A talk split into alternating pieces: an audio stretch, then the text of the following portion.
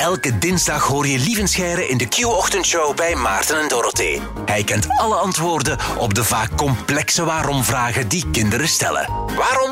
Daarom. Er is geen waarom-vraag veilig voor Lievenscheiren. Op alle vragen kent hij het antwoord. En daarom hoor je hem elke dinsdag bij ons in de show. Goedemorgen, Lieven. En goedemorgen. Hoe is het? Goed hoor.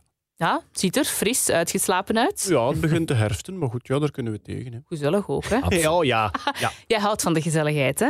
Eh, ja, eigenlijk wel. Zo warme wollen truien, kaneelgebakjes. Zie je ogen ook zo fonkelen als je het zegt. Ja, ja, ja. Ik heb ook eigenlijk mijn, mijn vaste herfst-soundtracks. Oh. Ik weet niet of je Auskeir kent, de IJslandse... Maar elke keer als jij muziek Dan, begin je zo over van die vage... Ja, altijd over IJsland. Ja, natuurlijk. Ik, eh, nee, dat moet ik Nee. afhaken. Auskeir, ja, dat is, dat is echt herfstmuziek. Ja. Ik ken van IJsland wel de Goedjonsson-familie, die nu al de derde generatie in de nationale ploeg spelen. Ah ja, oké. En dat is ook vrij uniek, omdat eh, die houden dezelfde achternaam. Normaal, normaal verandert uw achternaam in IJsland. Hè. Je wordt altijd genoemd naar de voornaam van uw pa met son erachter. Ja. De IJslanders hebben zo een tijdje geleden gezegd: Oké, iedereen die vanaf nu dezelfde achternaam wil houden, moet het nu zeggen. En voor al de rest blijft het veranderen. En zij hebben toen beslist: wij houden de naam. Omdat het dan zo'n soort dynastie is geworden in het voetbal. Ja, ik weet het niet. Misschien ook omdat die vaak in het buitenland waren, eh, in het- buitenland speelden of zo. Ja, zou kunnen. En ken je de bondscoach van de IJslandse ploeg? Ja, dat is een eh, ja, halve Vlaming, hè? Ja, dat is eh Vidarsson. Vidarsson, die Ja. lang bij Lokeren gespeeld heeft. We hebben die soms eh, gebeld al in de show. Hele lieve man. Ja, ja, ja, absoluut. En eh, heldere, heldere voetbalanalyses. Absoluut. absoluut. En waarom zijn we over IJsland bezig? Ben ik al vergeten. Omdat, het, omdat het herfst is. Ah, ja, ja, IJslandse muziek. Wow, wauw. Oeh, Eh, kaneelgebakjes Ja. uit bij Artnar Vidarsson. en dan gaan we naar de vraag van Vince uit Eeklo. Eh, hij heeft die doorgestuurd en dit is zijn vraag. Hallo lieve, waarom piept mijn oor soms?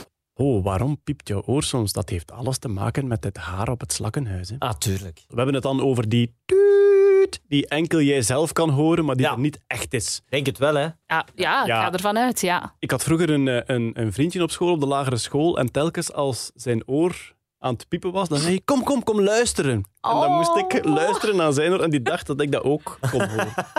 Maar dat- je kan het dus enkel zelf horen, omdat het geluid er niet echt is. Het is een soort computerfoutje dat ontstaat in uw oor zelf. Onze oren zijn fantastische dingen, omdat die zijn zodanig goed gevormd dat die ja, geluid kunnen opnemen, dat we daar ook de richting van het geluid mee kunnen bepalen. Zelfs al die plooien in onze oorschelp zijn daar eigenlijk ook een beetje mee verantwoordelijk voor.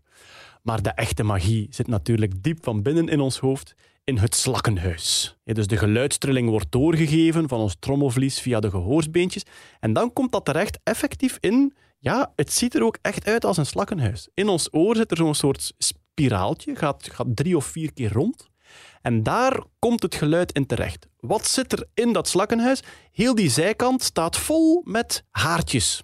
En die haartjes die kunnen heen en weer trillen. Maar door de vorm van die spiraal gaat elk punt in dat slakkenhuis op een andere frequentie trillen. Dus als je de la hoort op een piano, dan gaat één stukje van dat slakkenhuis maar trillen. En bij de do gaat een ander stukje van dat slakkenhuis trillen. En alle geluiden die wij horen, bestaan eigenlijk uit een zeer ingewikkelde som van verschillende frequenties. Dus er komt een geluid binnen in ons slakkenhuis. Door de vorm daarvan gaan alleen heel wel bepaalde haartjes trillen. Die sturen door die trilling een signaal naar ons hersenen. En onze hersenen, uit de som van al die signalen, maken die eigenlijk het geluid dat wij horen. Ja. Als je nu een hele luide knal hoort, kan het zijn dat sommige van die haartjes in uw slakkenhuis afbreken, omdat dat geluid te heftig is. En wat er dan gebeurt is, omdat die net afgebroken zijn, geven die een tijd lang een signaal door naar uw hersenen. En dus die haartjes zeggen, er is hier iets aan de hand. Ja, ze zijn afgebroken, maar dat weten die niet natuurlijk. Die zeggen, er is hier iets aan de hand, dus ik denk dat er nu een zeer hoge toon te horen is, want ik ben hier aan het trillen of aan het bewegen. En daardoor wordt die zeer hoge toon doorgegeven naar je hersenen. En na een tijdje gaat die dan weg, omdat zich dat herstelt. Er zijn ook mensen bij wie die fluittoon niet meer weggaat. Ja. Dat heet tinnitus. Ja. En ja, dat is, allee, dat, dat is echt een belastende aandoening. Je moet daarmee leren omgaan met het feit dat je constant ruis of een tuut hoort. En misschien moet ik nu toch eens strenge onkel Lieven zijn.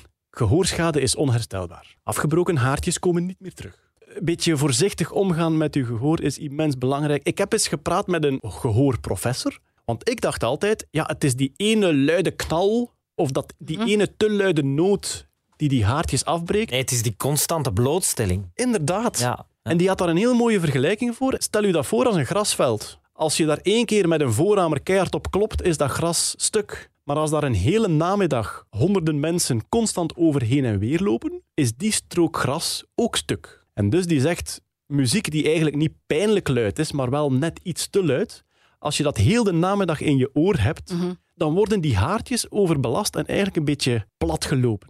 Ja. dus uw gehoor, wees daar voorzichtig mee, want je weet pas eh, wat je eraan hebt als er plotseling een stuk van wegvalt. En investeer in oordoppen op maat gemaakt. Dat is fantastisch. Je kan ermee gaan feesten, je kan er DJ mee zijn. Je hoort alles perfect, maar toch niet te luid. En je voelt de bassen. Het is de droom. Oh, nonkel Maarten doet Nee, maar het is de Ja, ja. Maar investering het is zo waard. Het Ja. is de investering zo waard. Maar dus, samengevat. Waarom piet mijn oor soms? Elke hele specifieke frequentie, dus ook die zeer hoge pieptonen in uw oor, die hebben bepaalde haartjes die moeten meteren die daarvoor verantwoordelijk zijn. En als die haartjes beschadigd zijn of opeens een beetje scheef staan, dan geven zij een pieptoon door naar uw hersenen, ook al is die er niet. Dankjewel, lieve Scheire. Met plezier. Dit was Waarom Daarom. Luister ook naar de andere afleveringen van deze podcast. Maarten en Dorothee hoor je elke ochtend van 6 tot 10 bij Q-Music.